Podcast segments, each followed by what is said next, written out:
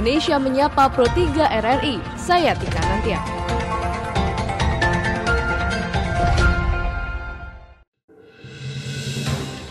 Dari Jalan Medan Merdeka Barat 45 Jakarta, inilah Radio Republik Indonesia dengan Warta Berita. Bersama saya Tika Anantia. Sari Berita, bantuan logistik untuk korban kebakaran di Pulau Sebuku, Kabupaten Kota Baru mulai berdatangan. Wacana masa jabatan Presiden menjadi tiga periode menjadi polemik tersendiri bagi para petinggi negara. Inilah Warta Berita selengkapnya. Korban kebakaran di Desa Sungai Bali, Pulau Sebuku, Kabupaten Kota Baru mulai menempati tenda-tenda darurat setelah sebelumnya memilih untuk mengungsi di rumah kerabat. Sementara bantuan logistik seperti pakaian, obat-obatan hingga alat kelengkapan sekolah mulai berdatangan. Reporter dari Banjarmasin, Aulia Rahman melaporkan berikut ini. Bantuan logistik terus berdatangan ke desa Sungai Bali Pulau Sebuku Kabupaten Kota Baru pasca kebakaran yang melanda wilayah tersebut. Sebelumnya warga korban kebakaran sangat membutuhkan peralatan sehari-hari seperti pakaian, perlengkapan mandi hingga alat sekolah. Koordinator lapangan Tagana Kota Baru Muhammad Khomaini mengatakan kebutuhan warga tersebut kini mulai berdatangan dari berbagai penjuru. Salah satu bantuan berasal dari komunitas penjelajah Kota Baru yang menyumbangkan 9 dus perlengkapan sekolah seperti tas, buku, dan alat tulis.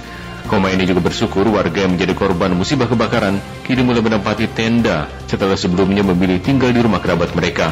Kondisi itu memudahkan para petugas untuk melakukan pendataan sekaligus mendistribusikan bantuan yang telah diterima. Yang jelas ada yang sebagian minat, itu sekitar 60 persen sekarang. Karena kan himbau, bisa ada kunjungan, tapi nggak ada warganya yang terkena bencana. Kan kami susah juga untuk menyampaikan, siapa tahu nanti kami dikira bohong untuk menyampaikan informasinya kan, keluhan masyarakat apa kan gitu. Terus itu ada 9 kerdus mungkin nggak buku semua isinya kaos kaki, pakaian dalam wanita, pakaian dalam laki-laki atau gitu. Sementara kondisi dari warga yang berada di tenda pengungsian sejauh ini sehat. Homa ini juga merincikan dari data terbaru yang pihaknya himpun jumlah rumah yang terbakar sebanyak 158 unit, 167 kepala keluarga dengan 432 jiwa, balita 20 orang, siswa SD SMP 26 orang, SMA 14 orang, lansia 38 orang, anak-anak 67 orang dan disabilitas sebanyak satu orang. Wacana masa jabatan presiden menjadi tiga periode menjadi polemik tersendiri bagi para petinggi negara. Tidak sedikit yang menyatakan bahwa tidak ada urgensinya untuk menambah masa jabatan presiden. Dan ada pula yang menganggap bahwa menambah masa jabatan presiden menjadi sangat berbahaya bagi bangsa. Selengkapnya akan kami hadirkan dalam sesi laporan khusus bersama Pradita Rahardi. Laporan khusus. Laporan khusus.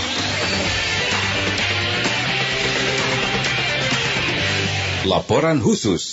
Usul amandemen Undang-Undang Dasar 1945 yang dihidupkan oleh Majelis Permusyawaratan Rakyat kini justru menghidupkan pula wacana penambahan masa jabatan untuk presiden menjadi tiga periode. Jika amandemen Undang-Undang Dasar 1945 terjadi, maka perubahan terhadap periode masa jabatan presiden memungkinkan untuk Presiden Joko Widodo menjabat satu periode lagi dari aturan semula yang mengatakan hanya dua periode.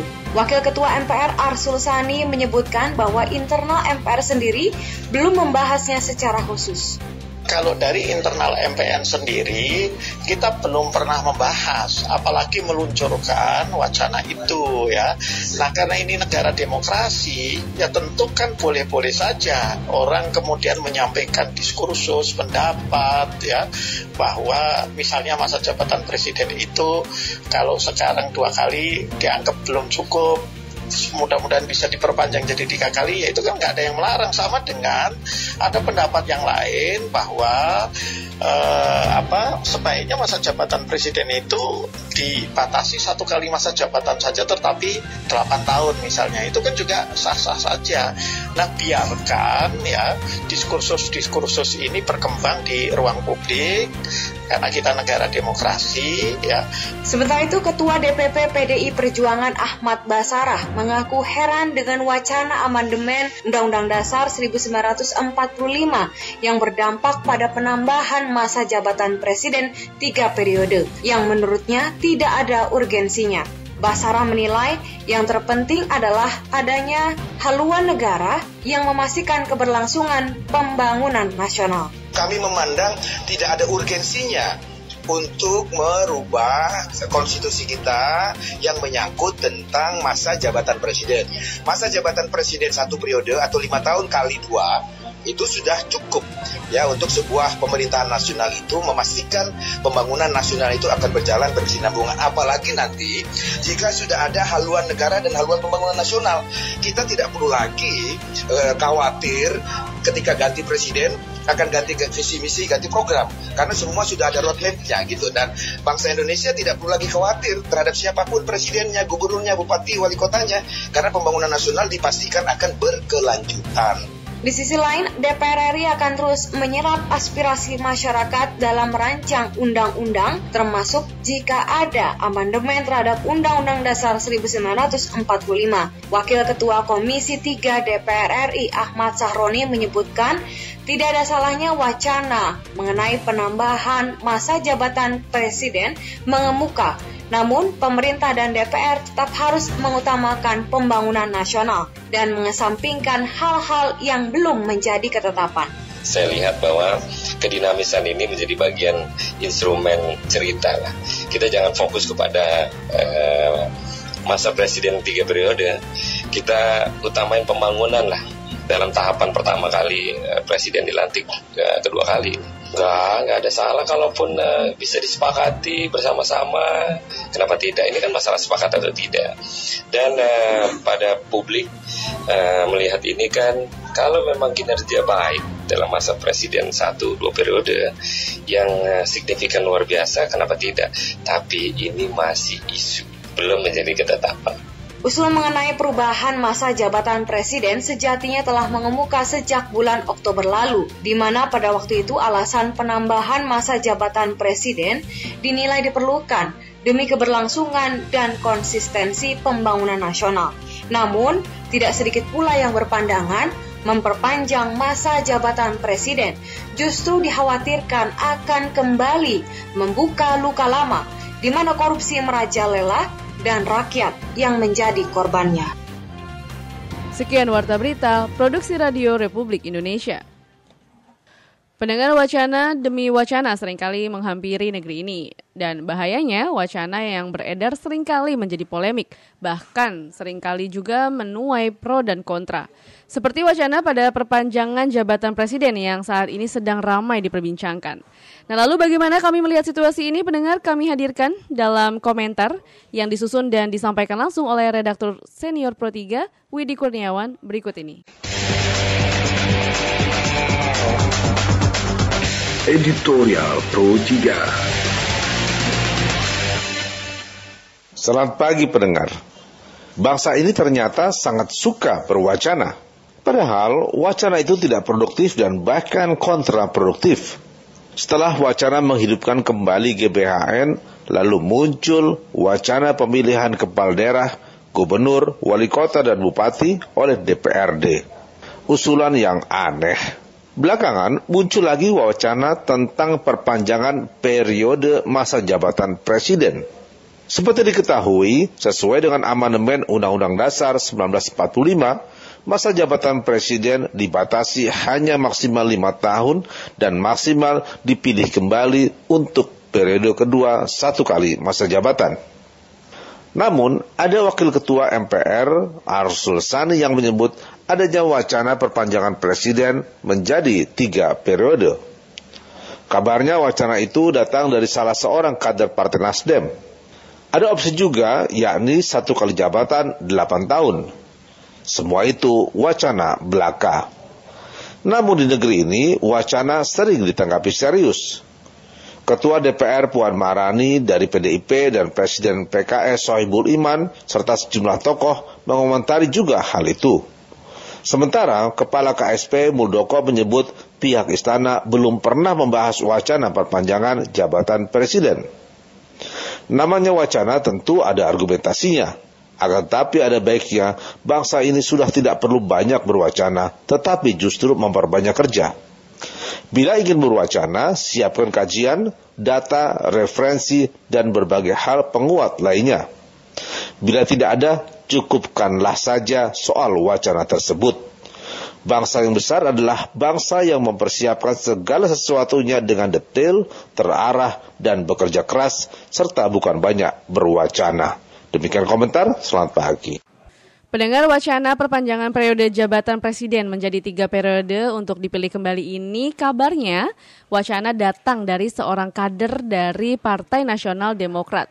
Nah lalu untuk mengkonfirmasi hal tersebut, sudah kami siapkan dialog bersama dengan Ketua Fraksi Partai Nasdem di MPR RI, Taufik Basari, berikut ini.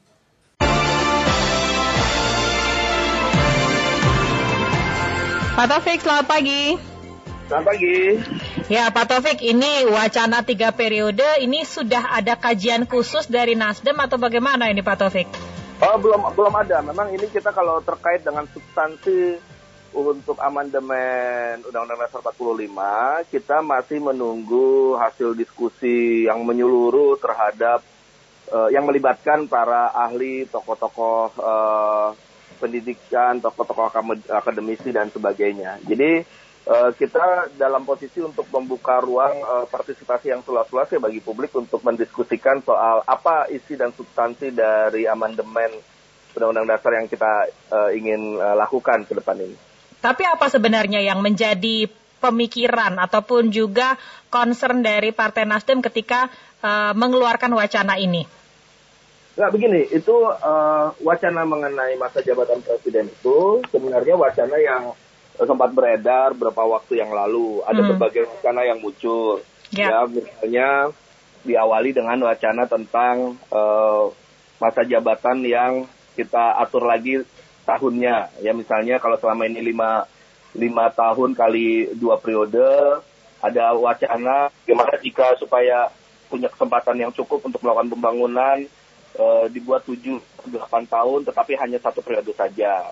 Kemudian ada usulan lagi bagaimana jika tiga periode itu itu wacana, baru wacana saja yang kemudian kita lontarkan sebagai bahan untuk diskusi uh, bersama dengan uh, segala komponen bangsa ini.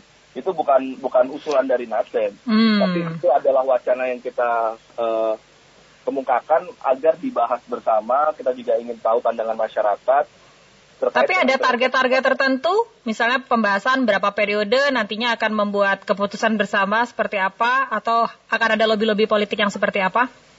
Tidak ada, jadi gini, kita kalau dari uh, fraksi Partai Nasdem ingin amandemen ini dilakukan dengan semangat uh, musyawarah ya, artinya bukan didasarkan pada eh, kepentingan-kepentingan uh, kelompok, kepentingan partai politik dan sebagainya kita ingin um, MPR ketika nanti membahas amandemen yeah. Ya. uh, berdasarkan pada sikap kenegarawanan. Jadi kita lebih uh, lebih menampung aspirasi, lebih mendengarkan. Kemudian fungsi kita sebagai MPR adalah merumuskan apa yang uh, menjadi perdebatan di publik, apa yang menjadi keharapan dan keinginan uh, masyarakat terkait bagaimana kita membawa bangsa ini jauh ke depan, bukan berpikiran jangka pendek dan sebagainya. Nah, itu yang kita harapkan posisinya uh, eh, MPR ya, bukan misalnya fraksi A inginnya seperti ini, fraksi B seperti ini, kemudian ada pertarungan kepentingan. Kalau kita bicara soal uh, amandemen konstitusi bukan peraturan uh, bukan pertentangan kepentingan atau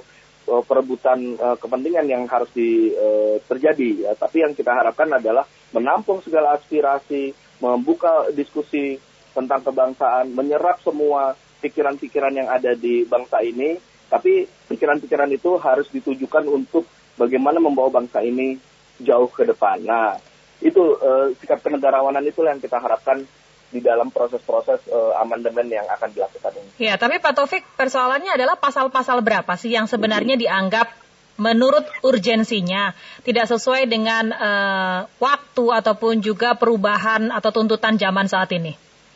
Ya, jadi gini, ini kan amandemen uh, Undang-Undang Dasar 45 yang kita harapkan dilaksanakan ini secara uh, bertahap ya, sesuai dengan tahapannya. Tahap pertama adalah kita melakukan evaluasi terlebih dahulu. Jadi bukan dari awal kita langsung menyatakan ini agar uh, pasal ini diubah menjadi uh, seperti ini, pasal ini langsung di amandemen dan sebagainya. Tidak, tapi kita uh, mengedepankan agar kesempatan untuk melakukan amandemen ini kita lakukan menyeluruh dengan cara diawali melakukan evaluasi terlebih dahulu terhadap pelaksanaan dari uh, Undang-Undang Dasar 45. Kita lihat apakah sistem kenegara, ketatanegaraan kita sudah berjalan dengan baik, mana kurangnya, mana yang harus kita perkuat, Mhm. mana yang ternyata menghambat eh, tata kerja pemerintahan kita, mana yang melemahkan sistem presidensil, mana yang berpotensi untuk menjadi disintegrasi ke depannya. Nah itu evaluasi. Jadi jadi kita akan dahului dengan evaluasi menyeluruh dulu. Hasil evaluasi menyeluruh itulah yang kemudian baru kita nanti akan lihat mana-mana saja, hal-hal apa saja yang perlu kita eh, ubah, yang perlu kita tambahkan. Jadi kalau sekarang masih terlalu prematur apabila kita langsung menyatakan "Oh, hal-hal ini yang akan kita ubah, hal ini eh, akan diperjuangkan oleh fraksi Nasdem untuk diganti dan sebagainya. Tidak. Tapi eh, kita evaluasi termasuk juga melempar wacana-wacana yang bisa menjadi bahan diskusi di publik eh, untuk bahan masukan dari evaluasi yang awal yang akan dilakukan tersebut. Mhm. Baik, kalau kita ber eh, sedikit kilas balik ini ya, eh, Pak Taufik, kalau kita lihat di masa reformasi begitu tahun 9- 99 sampai 2002, itu kan UUD 45 sempat empat kali ya di amandemen pada saat itu. Ya. Nah, eh, kalau dilihat juga dengan perkembangan yang ada sekarang, apakah memang ketika eh, sosok misalnya Presiden Jokowi ini dianggap eh, saat ini mungkin cukup baik di beberapa kalangan sebagai presiden yang berhasil. Apakah memang karena sosok-sosok tertentu kemudian akan dipertahankan sehingga bermaksud mengevaluasi ataupun juga merubah amandemen UUD 45 atau seperti apa sebenarnya secara Ya, gambaran sebenarnya- luas? Ya, jadi kita tidak boleh berpikir jangka pendek itu seperti itu, berpikir soal Hmm. sosok, kemudian eh, berbicara soal pergantian apa perubahan mengenai periode jabatan. Tidak boleh kalau bicara soal amandemen itu eh, kita lepaskan dari apakah saat ini Presiden Jokowi atau presidennya yang lain itu harus lepaskan dari itu. Kita harus berpikir ke depan. Jadi bukan soal apakah karena saat ini presidennya adalah Pak Jokowi, apakah kemudian Pak Jokowi dianggap baik, kemudian muncul wacana eh, tiga periode bukan seperti itu. Jadi ini tidak ada kaitannya dengan em, kondisi presiden siapa yang menjadi presiden saat ini. Tapi kita eh, wacana itu muncul untuk bagaimana eh, pemerintahan ini berjalan terkait dengan periodenya, apakah dua kali lima eh, tahun ini cukup baik setelah untuk menjalankan pemerintahan, ataukah butuh kita ubah eh, periodenya dan sebagainya. Jadi bukan soal eh, saat ini yang menjabat adalah eh, Pak Jokowi. Jika ada pikiran-pikiran seperti itu, itu adalah pikiran-pikiran keliru yang harus kita apa singkirkan. Ya, Oke. Jadi ke- ketika bicara amandemen, kita bicara bukan soal apa, siapa sosok yang saat ini memimpin, Hmm? apa kepentingan jangka pendek kita, apa kepentingan partai politik, Mhm. apa kepentingan kelompok, itu harus ditinggalkan sama sekali. Kita Baik, harus ini bicara meluruskan ini ya. begini, konstitusi itu kan adalah eh, dasar dari semua hukum ya. Itu adalah kontrak sosial yang kita eh, bentuk untuk eh, menghantarkan bangsa ini eh, seperti apa. Ya, jadi memang em, bisa saja saya eh, ketidaksetujuan Ibu Sri menurut saya sebagai masukan yang sangat baik. Tapi yang Mhm. paling penting yang harus kita ingatkan bahwa eh, tadi kritikannya kan yang ingin diubah mestinya mental ya mentalitas eh, bangsa ini yang harus lebih baik lagi. Menurut saya itu pun juga menjadi eh, ranahnya konstitusi ya bagaimana konstitusi ini bisa eh, atau mampu untuk membangun karakter bangsa yang lebih baik. Ya. Ya, eh, apakah ternyata selama ini implementasi eh, Undang-Undang Dasar 45 eh, menjadikan masyarakat Indonesia ini menjadi sangat individualistis, hilang rasa gotong royong dan sebagainya. Kelirunya di mana? Kalau kita ingin memperbaiki dalam konstitusi itu seperti apa? Hmm. Nah, itu menurut saya juga bahan bagi kita untuk melakukan evaluasi dan mendiskusikan eh, substansi-substansi apa yang kita butuhkan ketika kita ingin melakukan amandemen ini. Ya, kalau bicara mengenai perubahan undang-undang ataupun juga amandemen, ini kan sebenarnya tujuannya bagus nih Pak Taufik, mungkin untuk pembangunan bangsa menjadi lebih baik. Nah, Ya. tapi sempat juga kalau kita lihat beberapa waktu terakhir ini ada suara-suara sumbang ini ketika ada penentuan wakil-wakil menteri yang Ya. konon kabarnya ini merupakan balas budi politik. Nah, apakah nantinya dengan perubahan undang-undang yang diusulkan juga oleh partai ini termasuk adalah bagian dari hidden agenda partai?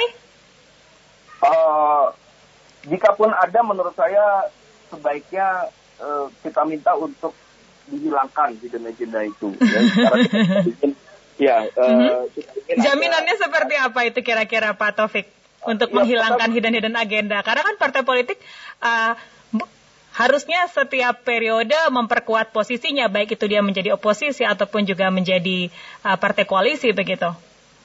Ya, uh, ya maka, maka dari itu kalau dari fraksi Partai Nasdem kita menginginkan agar uh, ada partisipasi publik yang sangat luas ya dalam hal kita membahas uh, amandemen ini. Nah, partisipasi publik ini juga dalam rangka untuk menjaga agar tidak ada hidden uh, politik yang hidden agenda yang dimiliki oleh partai politik untuk kepentingan-kepentingan uh, kesaat, untuk kepentingan dengan kelompoknya dan sebagainya. Hmm. Nah, itu kata kuncinya adalah di soal uh, partisipasi ya penyerapan aspirasi yang seluas-luasnya di situlah ketika kita bicarakan soal amandemen. Memang Dan Nasdem tidak punya itu ya?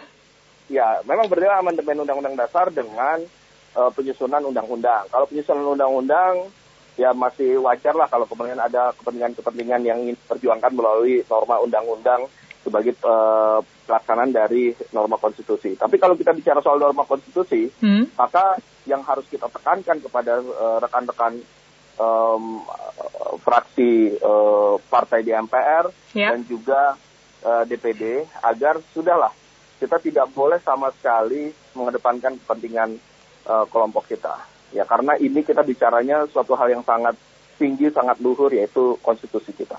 Jadi ini bicara konstitusi, berarti Nasdem tidak ada ya kepentingan-kepentingan seperti itu? Ya kalau kalau kalau misalnya dianggap ada ya di di jewer saja Nasdemnya gitu. Diperingati saja eh, itu kamu kenapa mengangkat soal kepentingan uh, kelompok dan sebagainya. Menurut saya uh, fraksi Nasdem di MPR pun harus saya juga ingin terbuka untuk itu. Kalau misalnya ada, tolong diingatkan kepada kita agar hmm. kita tidak tidak keluar dari uh, jalur uh, luhur ketika kita ingin melakukan amandemen Undang-Undang 45 ini. Baik, ini kan masih diskursus, uh, diskursus publik begitu ya, artinya masih dikemukakan-kemukakan ke publik. Nah, ada jangka waktu mungkin pengkajian selama satu tahun baru kemudian akan dibahas lebih lanjut atau seperti apa ini Pak Taufik? Ya, kita uh, dalam dua tahun ini kita masih dalam proses untuk penyerapan aspirasi ya. Hmm. Jadi uh, sekaligus juga dalam proses penyerapan aspirasi ini bisa uh, kita lakukan evaluasi. Nah, jadi uh, Pak tahapannya masih panjang ini. Jadi bukan bukan dalam waktu yang sangat dekat uh, kita langsung melakukan amandemen, tapi uh, didahului dengan penyerapan aspirasi dan penyerapan aspirasi pun juga bisa sampai uh, dua tahun kita lakukan. Jadi baru tahun ketiga nanti kita baru akan masuk kepada substansi-substansi apa yang akan kita bahas dalam proses amandemen tersebut.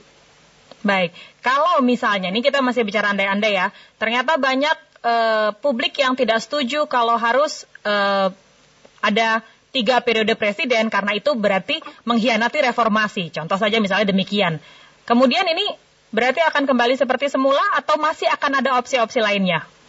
Ya, uh, gini, MPR harus mendengarkan suara publik ketika suara publik melakukan penolakan terhadap itu, ya itu yang harus kita uh, rumuskan ya bahwa publik tidak ingin adanya uh, perubahan periode presiden. Atau publik ingin melakukan ingin ada perubahan presiden dengan cara tertentu cara tertentunya itu ya kita kita lihat dan kita dengarkan dari uh, publik seperti apa.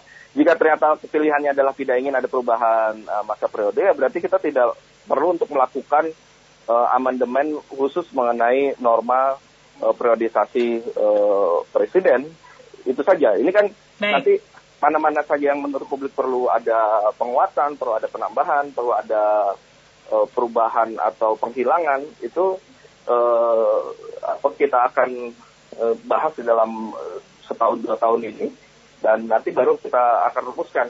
Jadi uh, uh, MPR-nya akan menjadi engineer, akan jadi perumus dari pikiran-pikiran yang ada di dalam masyarakat. Baik. Baik Pak Taufik, terima kasih sudah bergabung bersama kami. Kami nantikan nanti hasilnya seperti apa dari pengkajian yang ada. Selamat pagi okay. Pak Taufik. Yeah.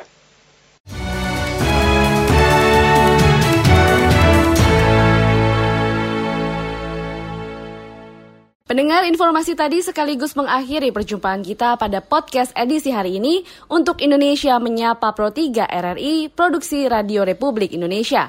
Saya Tika Nantia undur diri, sampai jumpa, salam.